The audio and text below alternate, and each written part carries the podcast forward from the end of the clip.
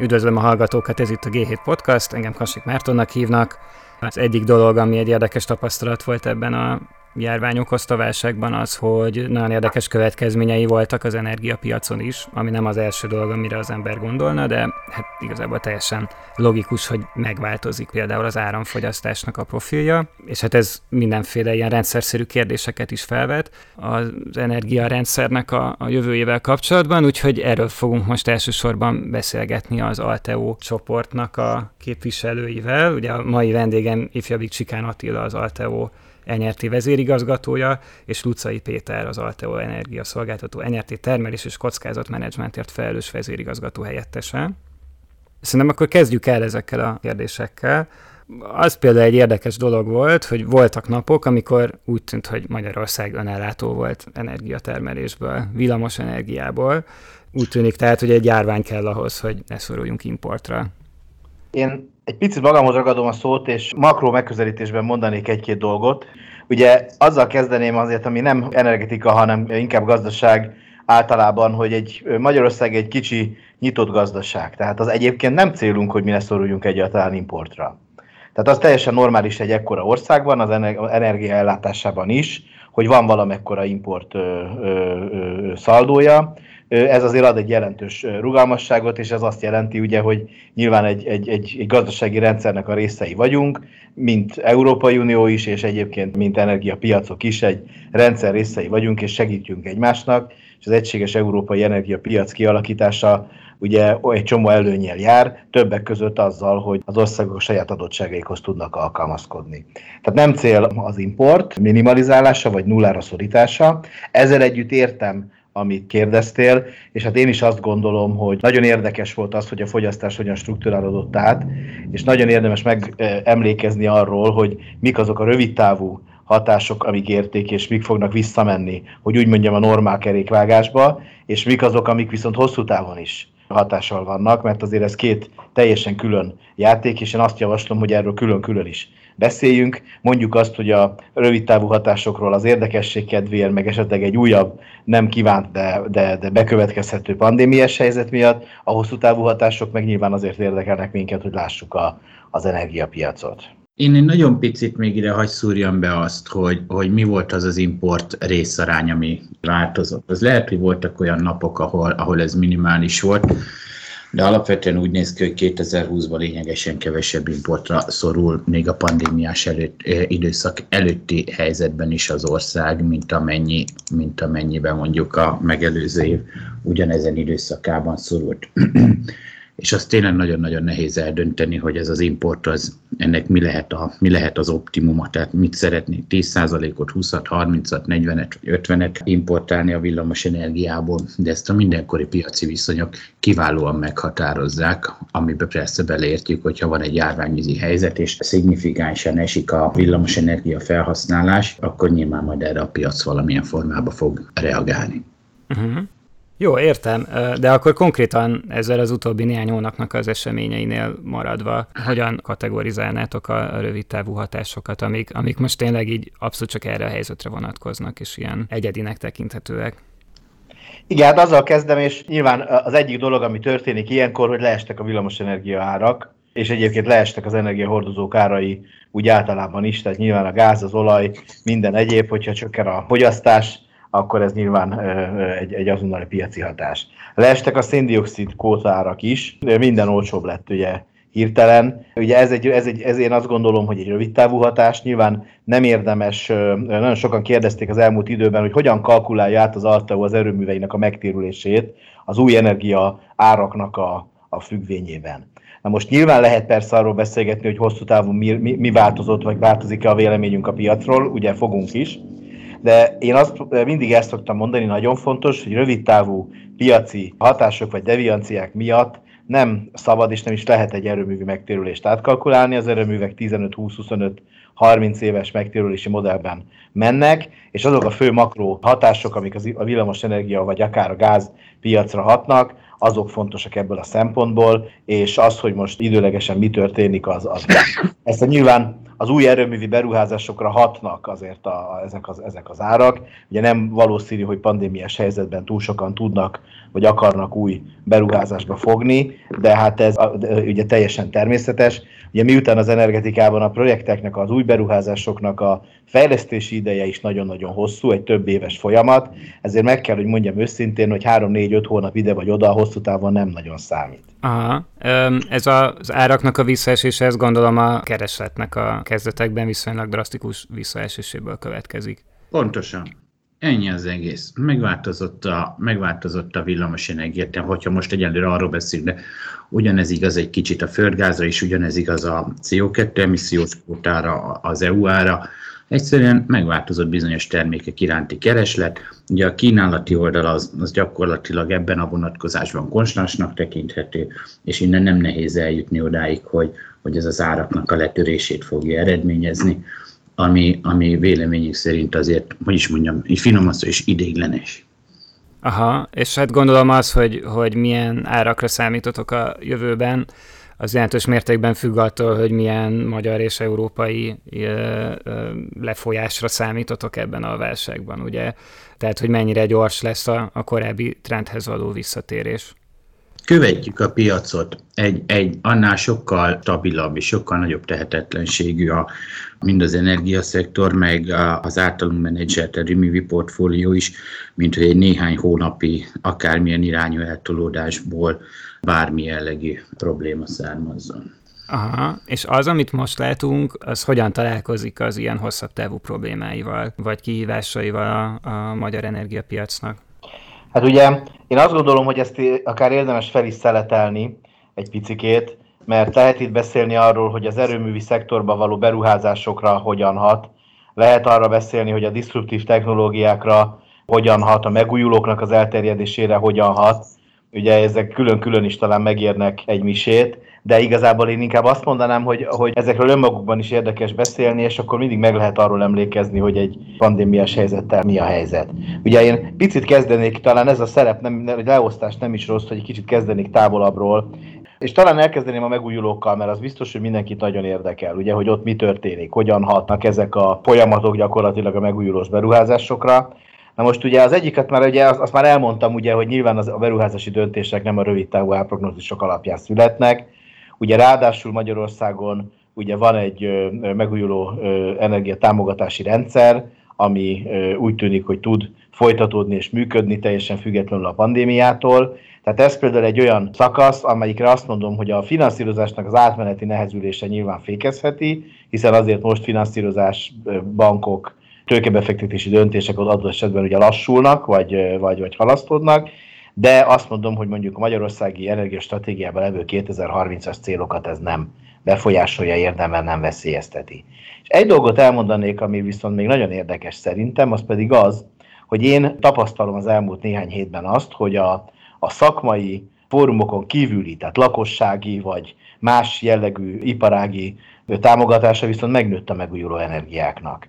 Tehát az a fajta ilyen átmeneti javulása a, a, a környezetben, akár a levegőminőségben, akár más egyéb témákban, amit megtapasztaltunk itt a pandémia alatt, ez egy picikét úgy, úgy érdekesebbé vagy fontosabbá tette bizonyos esetekben a megújulókat, és én, én, mint örök optimista, ugye abban bízom, meg arra számítom, hogy ez egy kicsikét működik továbbra is. Az Ürge Forzat Diánának, aki egy, egy, egy világhírű klímakutató, volt egy megjegyzése, hogy na, ne a normálishoz menjünk vissza, hanem az új normálisat találjuk ki a pandémia után, és abban bízom, hogy ennek az új normálisnak a része lesz az, hogy a megújuló energiát az eddig egyébként nem alacsony szintről még magasabb szintre ö, ö, jut a, a, a támogatásuk.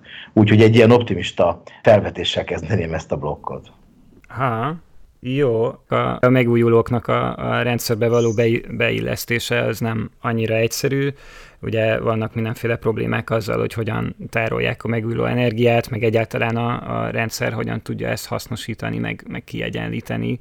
Ebben mekkora beruházások szükségesek, meg milyenek?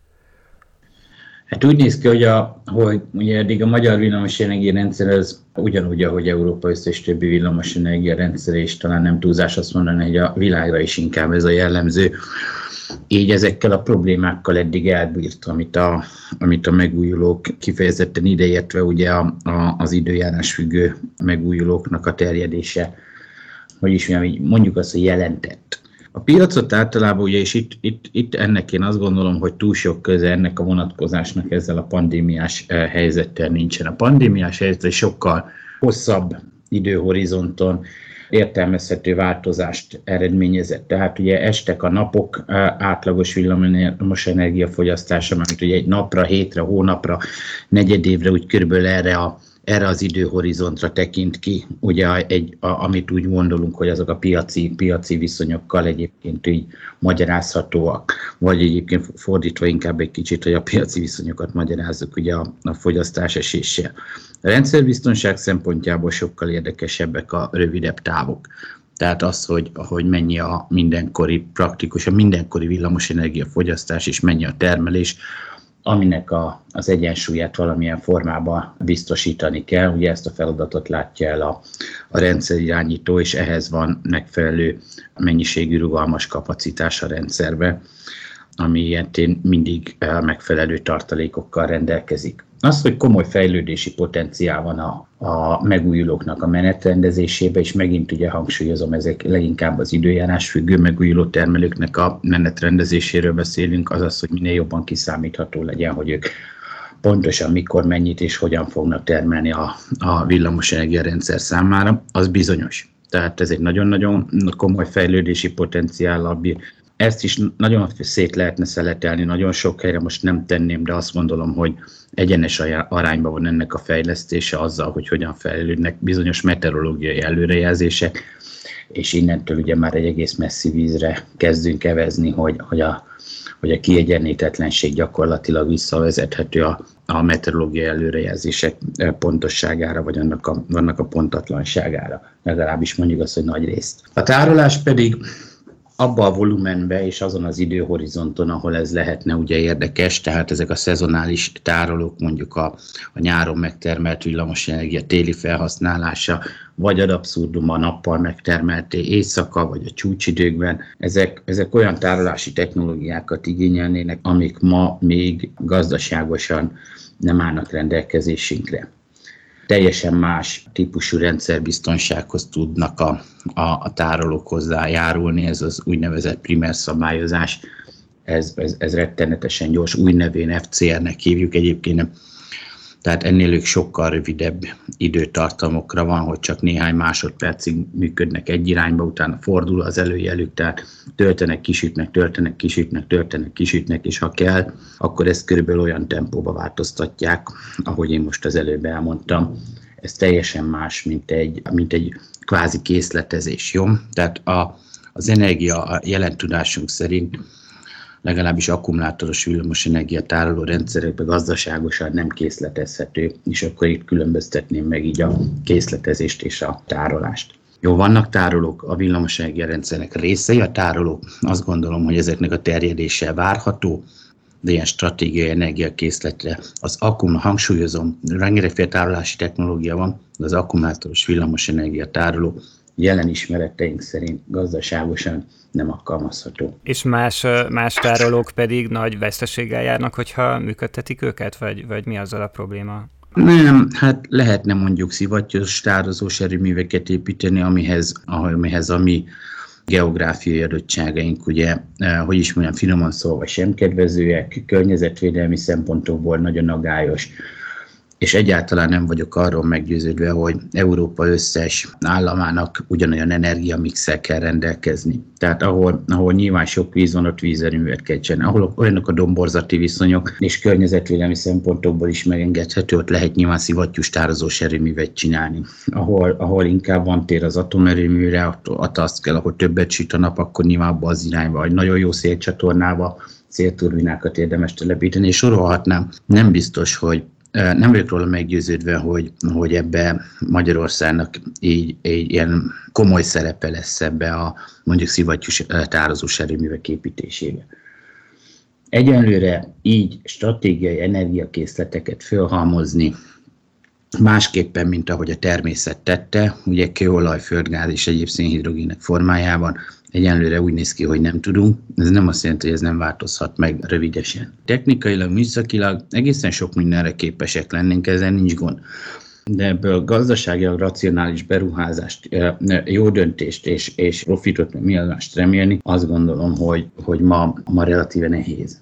Aha, és akkor ez azt yeah. jelenti, hogy, tehát, hogy ez azért egyfajta korlát a megújulók terjedése előtt. Én nem gondolom, hogy ez korlát. Elegendő rugalmas erőművi kapacitással rendelkezik az ország, amit ügyesen használva, és folyamatosan javítva a megújulók előrejelzési pontosságát, azaz, azaz menetrendtartását, ez így nem lesz egyszerűen végtelen nagy. Tehát ötször annyi megújulóhoz végte, nem, fog, nem lesz szükségünk ötször annyi kiszabályozó kapacitásra, amúgy pedig az országban rendelkezésre áll egészséges mennyiségű szabályozható erőművi kapacitás, akik minden esetben megfelelő tartalékot biztosítanak a magyar villamos energiarendszer számára.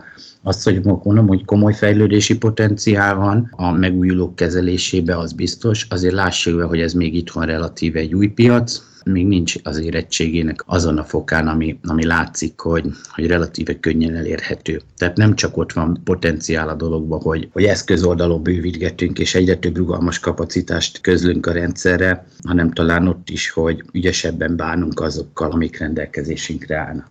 Két dolgot hagyd tegyek hozzá. Az egyik az az, hogy ugye emlékezzünk arra, hogy igazából arról beszélünk, hogy egy fenntartható energiarendszert szeretnénk, és ugye ennyivel több a fenntarthatóság, mint a környezetvédelem, hogy amellett, hogy a, szeretné ugye a környezeti hatásokat minimalizálni, amellett nagyon fontos, fontos a rendszerbiztonság, és nagyon fontos, hogy ez milyen költségen áll rendelkezésre.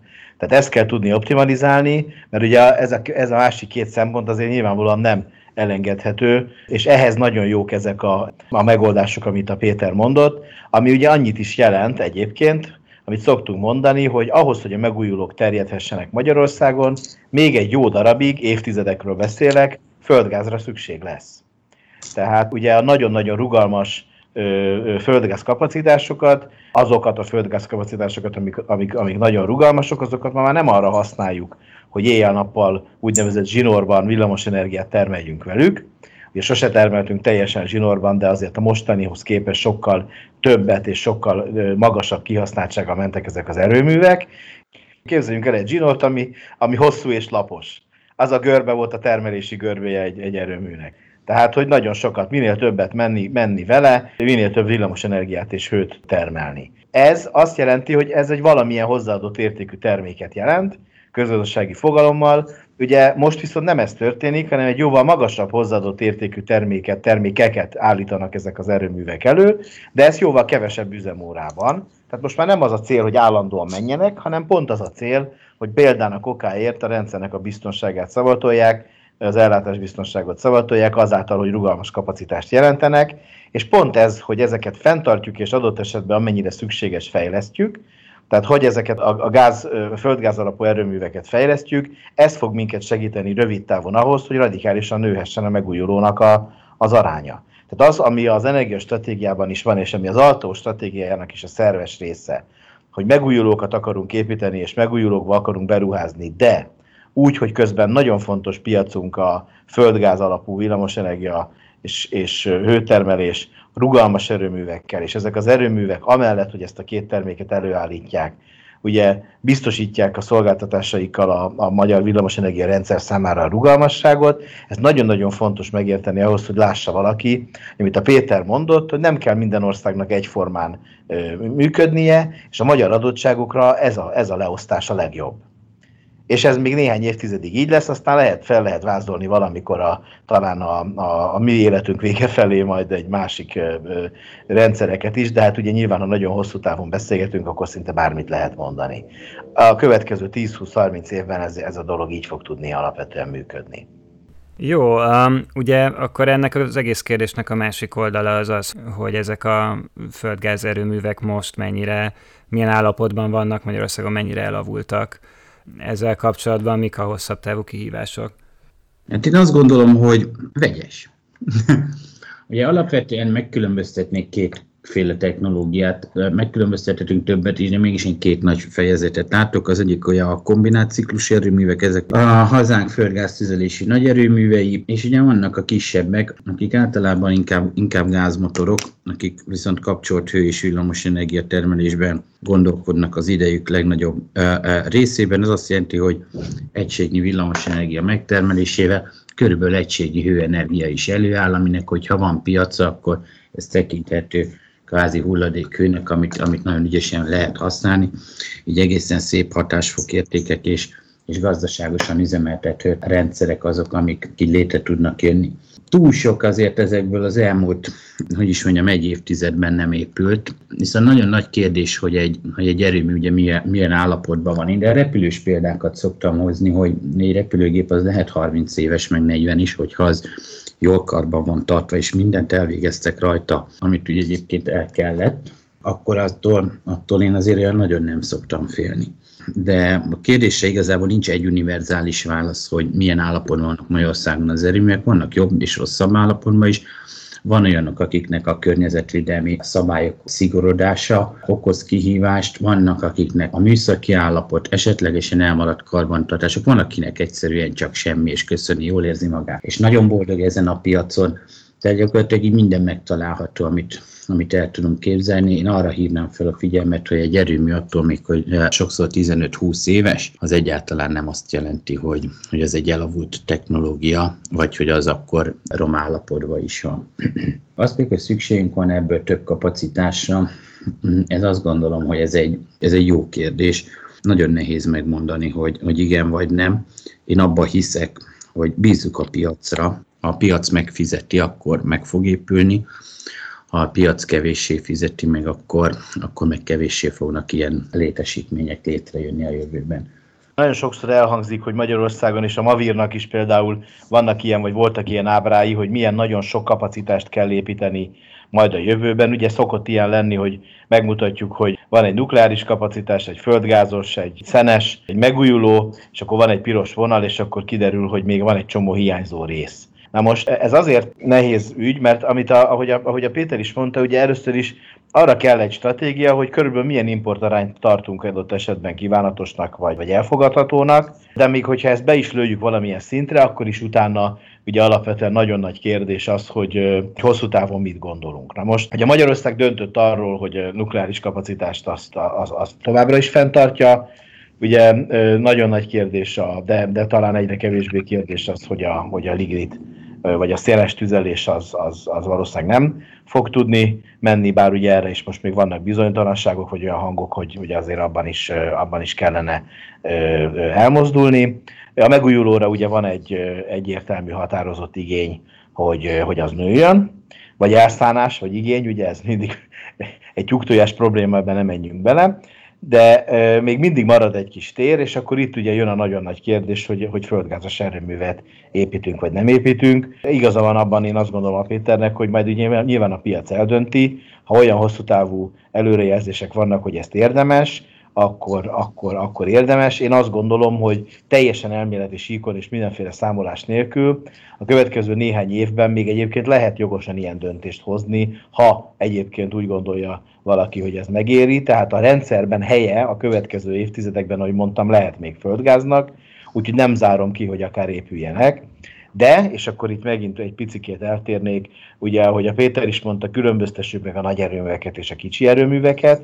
Én azt gondolom, hogy kicsi, a, a, a helyi piacokra, akár nagyobb iparvállalatra testre szabott méretű gázerőművek sokkal hamarabb és könnyebben fognak tudni épülni, mint nagy erőművek, amik, a, a, a, amik ugye egy teljesen más kultúrkörben működnek. Én szerintem a következő években könnyen lehet, ugye, hogy nagyon sok iparvállalat fog olyan döntést hozni, hogy ők a saját energiaellátásukat részben vagy egészben szeretnék megoldani, nem azért, mert ez valamiféle, nem tudom, szent ügy, hanem azért, mert amit mondtam, fenntarthatóbbnak gondolják, olcsóbbnak, ellátásbiztonságot javítónak, a, a környezeti céljaikatnak jobban megfelel, és akkor ha, ilyen, ha ilyenek lesznek ezzel, ugye az ország gázos kapacitása is bővül, és hát ugye ez megint olyasmi, ami a mi stratégiánkban is benne van, hogy ezeket az iparvállalatokat mi tudjuk ugye és akarjuk támogatni. Egy dolgot nem felejtsünk el, az, hogy ezek, a, ezek az energiapiacok, Én most kifejezetten fókuszba téve a villamosenergia piacokon, ezek ezek egyre inkább, egy kicsit elkopratott már ez a szó, hogy globalizálódnak, de inkább úgy mondom, hogy egyre inkább vonódnak itt össze Európán belül. Tehát ugyanúgy, ahogy villamos energiát lehet adni, venni és kereskedni ugye az országok között is, ez hamarosan ki fog terjedni egyébként a rugalmasság szolgáltatására is, és akár szabályozási kapacitást, vagy akár szabályozási energiát, ezért részben az utóbbi az, az, az most is működik, fognak tudni kereskedni egymás között a környék vagy a régió országai, ami nyilván újabb kereslet-kínálati egyensúlyt fog eredményezni, tehát csak részben lesznek ezek a piacok országhatárral meghatározottak, és, és vélelmezhetően egy egyre nagyobb részben, hát ugye az egyik része az vélelem, a másik része pedig úgy kötelező, hogy egyre nagyobb részben uh, uh, uh, lesznek ezek régiós, a nap végén pedig majd teljes Európai Unióba, vagy teljes Európai Uniót lefedő piacok. Szóval ezért is elég nehéz egyébként kiragadni kis hazánkat ebből a képből, és, és ezt úgy önmagába értékelni, mert egyáltalán nem, nem ez a jövő, hogy, hogy az országok maguk oldják meg kizárólag a problémáikat, hanem lesz egy kvázi egységes villamosenergiapiac, és vélelmezhetően majd a többi energiapiac is egy kicsit mozog majd ebbe az irányba. És a villamosenergiába beleértem nyilván a, a rendszer szintű szolgáltatások piacát, azaz a kapacitás piacokat, és a, és a szabályozási energiapiacokat is. Jó, szerintem egy rövid időre még térjünk vissza a járvány meg a gazdasági válságnak a közvetlen hatásához. Ugye az egy elég érdekes szituáció volt, hogy egy csomó cég vásárolt energiát magának előre, de közben ugye azzal találkozott, hogy a piac az lenullázódott, vagy jelentősen visszaesett, és hát viszont ezt az áramot, ezt mindenképpen meg kell venni, amire leszerződött. És ez hogyan tudja kezelni a piac ezt a problémát? Ki finanszírozza a veszteséget például? De két dolgot nagyon-nagyon fontos szerintem megjegyezni. Az egyik az az, hogy amikor a villamosenergia kereskedő ugye szerződést köt, és a következő évre rendszerint általában egy évre szólnak ezek a szerződések, vállalja, hogy el fogja látni az adott fogyasztót villamosenergiával, akkor a felelősen jár el, akkor ő azt a villamosenergiát akkor meg is veszi. Ugye? Tehát úgymond fedezeti ügyletet köt erre a villamos energiára, ami ugye azt is jelenti, hogyha ez a fogyasztó nem fogyasztja el ezt a villamos energiát, akkor ez a, a kereskedőnek ugye adott esetben veszteséget okoz, hiszen ő meg ugye ezt megvette. Na most azért a legtöbb szerződésben van egy rugalmassági kritérium, tehát valamennyi kevesebb fogyasztást a kereskedő még nem büntet, ami nyilván egyébként általában érthető, hiszen ő neki sok fogyasztója van, és attól, hogy egy valaki kevesebbet fogyasztattól rendszerint az ő egész portfóliójába, más meg esetleg többet, és akkor ugye ez kiegyenlítődik. Na most ugye ebbe a pandémiás helyzetben nem ez volt, mert a legtöbb fogyasztó kevesebbet fogyasztott, a kereskedőknek is okozott ez problémát, de állták ezeket a, a veszteségeket. Tehát azért a kereskedők is szenvedtek el veszteségeket. Nálunk is az Alteóban ugye nagyon sok lábon állunk, nagyon sok üzletágunk van, és vannak olyan üzletágok, amelyek még akár jobban is teljesítettek, de, de nagyon sokan hozták magukat, azért a kereskedelemnek a fedezete az nálunk is elmarad, akár a tavaitól, akár a tervezettől. Ez egy probléma. Most ugye ennek azért van egy határa, és igazából nyilván onnantól kezdve pedig a, a magánál a vállalatnál keletkeznek ugye plusz költségek azzal, hogy, hogy helyet kell álljon a, a saját szerződéseiért, de hát ez minden más szerződéssel is így van. Tehát, hogyha megrendelt 10 ezer tonna bőrt, hogy abból cipőt fog gyártani, akkor és megérkezett hozzá a bőr, akkor azt is ki kell fizesse, vagy legalábbis ugye valamilyen költségviselést kell, hogy álljon. Tehát azt, hogy kiállja ennek a költségeit, hát én azt gondolom, hogy piacgazdaságban ugye, ugye a saját, mindenkinek a saját veszteségeit kell tudni megoldani, meg finanszírozni, és nyilván ehhez pedig az állam, ugye, mint ahogy ez történik Európában sokszor, sok helyen, Magyarországon is, ugye a maga módján tud segítséget nyújtani. De az biztos, hogy nem két piacgazdasági alapon működő iparvállalat, piacgazdasági alapon működő szerződésébe kell kezelni ezeket a helyzeteket. Tehát ez az egyik dolog. Ugye a a másik dolog, hogy azért én azt tapasztaltam ez alatt a néhány hét pár hónap alatt, hogy nagyon sokszor egészen kiváló kooperáció jött létre a, a, a kereskedők és az iparvállalatok között, tehát nem egymásra mutogatták vagy tologatták ezeket a, ezeket a gondokat, hanem igenis próbáltak közösen megoldásokat találni, és hát azt tudom mondani, hogy nagyon elvállott az ocsú a búzától, ahogy szokták mondani, tehát ugye a legjobb partner minősítés szerintem az, hogy ki az, aki partner a bajban. Ugye? És én azt gondolom, hogy, hogy nagyon jó példákat is, is lehet erre hozni.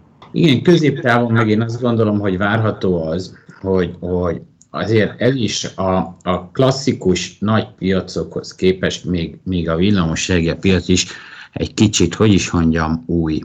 És rengetegféle szerződés van egy kiskereskedelmi oldalon is, tehát nagyon sokfélét el lehet képzelni, és nem mindig vannak az ár és a volumetrikus kockázatok hasonlóképpen kezelve. Ugye még az árkockázatok kezelésére úgy, úgy, úgy az olyan elég triviálisnak tűnik, hogy az úgy valahogyan legyen fedezett, mindaddig jó, ameddig, ameddig a volumetrikus is valahogyan fogjuk tudni kezelni mögötte. Na most ez vagy sikerül, vagy nem, ez egy sokkal nehezebb és nehezebb kérdés és én azt gondolom, hogy lehet, hogy létre fognak jönni a jövőben szofisztikáltabb szerződéses struktúrák, amik a kereskedő és a, és a felhasználó közötti kockázat megosztást azt sokkal ügyesebben definiálják talán, mint ahogy az ma nagyon sokszor egészen nagy, vonalúan, nagy vonalúan kezelve van. De mondom, ez nem igaz minden szerződésre, nem igaz minden szerződéses struktúrára, nem igaz minden partnerre, nem igaz minden kereskedőre, de azért általánosságban azt mondom, hogy, hogy bőven van fejlődési potenciál a, a kockázatok ilyetén való ügyes elosztásában, amit úgy értek, hogy mindenki annyi kockázatot vállaljon, amennyit az ő kockázati étvágyának a kielégítése eredményez. És se többet, se kevesebbet. Aha, ilyenfajta kockázatokra, mint amilyen ez a sok volt, ilyenekre fel lehet készülni a jövőben, és tud valamit tenni a rendszer, hogy kicsit ilyen reziliensebb helyzetben várja a következő hasonló válságot? Hát ugye a válság az attól válság, hogy nem várjuk. Mihelyest várjuk, ugye akkor az már egy jövőkép, az, hogy nem, nehéz, nehéz bármire fölkészülni. Azt gondolom, hogy van erős fejlődési potenciál abban, hogy ezek a kockázatok inkább úgy legyenek elosztva a kereskedő és a, és a végfelhasználó között, ahogyan az a kereskedőnek és a végfelhasználónak a szándéka, és ez nagyon fontos, hogy, hogy lássák, és értsék azt, hogy pontosan milyen típusú kockázat az, ami az, ami az ő nyakukban marad, bármelyik félnél is, és mi az, amit ők egyébként teljesen tudatosan azt mondják, hogy vállalják, hiszen a nap végén mégis árkérdés lesz belőle. Tehát ugye a magasabb kockázat az nyilván, nyilván ahhoz, ahhoz több, a magasabb hozamot szeretnénk társítani. Ugye még egy alacsonyabbhoz talán egy kicsit alacsonyabban. És ugyanez a másik oldalon is igaz. Ilyen volumetrikus pilengésekre, mint ez az elmúlt negyed év, azért talán nem volt példa. Általában ilyenkor szoktak megtanulni vagy ilyenkor szokott egy, egy úgynevezett ilyen termékinnováció egy kicsit elindulni, hogy na oké, okay, most már ilyet is láttunk, akkor kezdjük el ezt tényleg nagyon ügyesen, okosan csinálni a jövőben. Igen, hát nem cinikus akarok lenni, de az előző válságot mindig jól tudjuk kezelni. Igen. De, de azért, azért hozzá kell tegyem azt is, hogy én szerintem az energia, a magyar energetika és az energiarendszerek ezt a válságot is nagyon-nagyon jól kezelték. Tehát azért az ellátás biztonság nem volt veszélyben. Én azt gondolom, hogy több problémát oldott meg ez a rendszer, mint amennyit okozott, jóval többet. Úgyhogy én azt gondolom, hogy nem az én dolgom ezt értékelni, de azt gondolom, hogy ebből a szempontból elégedett vagyok. És hát ugye egy picit olyan volt ez, mint, mint azt szoktam mondani, mint ködbe autót vezetni, hogy nem azt kell találgatni feltétlenül, hogy mi van a láthatáron túl, hanem úgy kell vezetni, hogy ez a dolog működjön, és ugye ez az, amit a Péter is mondott, hogy ahogy akkor gondoljuk át a rendszereinket, és alakítsuk úgy, hogy a lehető legjobbak legyenek, és amikor majd jön a következő válság, akkor, akkor egy magas kétszámügyű százalék legyen azoknak a dolgoknak, a, a feladatoknak a, az aránya, amit már elvégeztünk, úgy is marad néhány, amit meg akkor kell adhok kitalálni, hogy mit kezdjünk vele.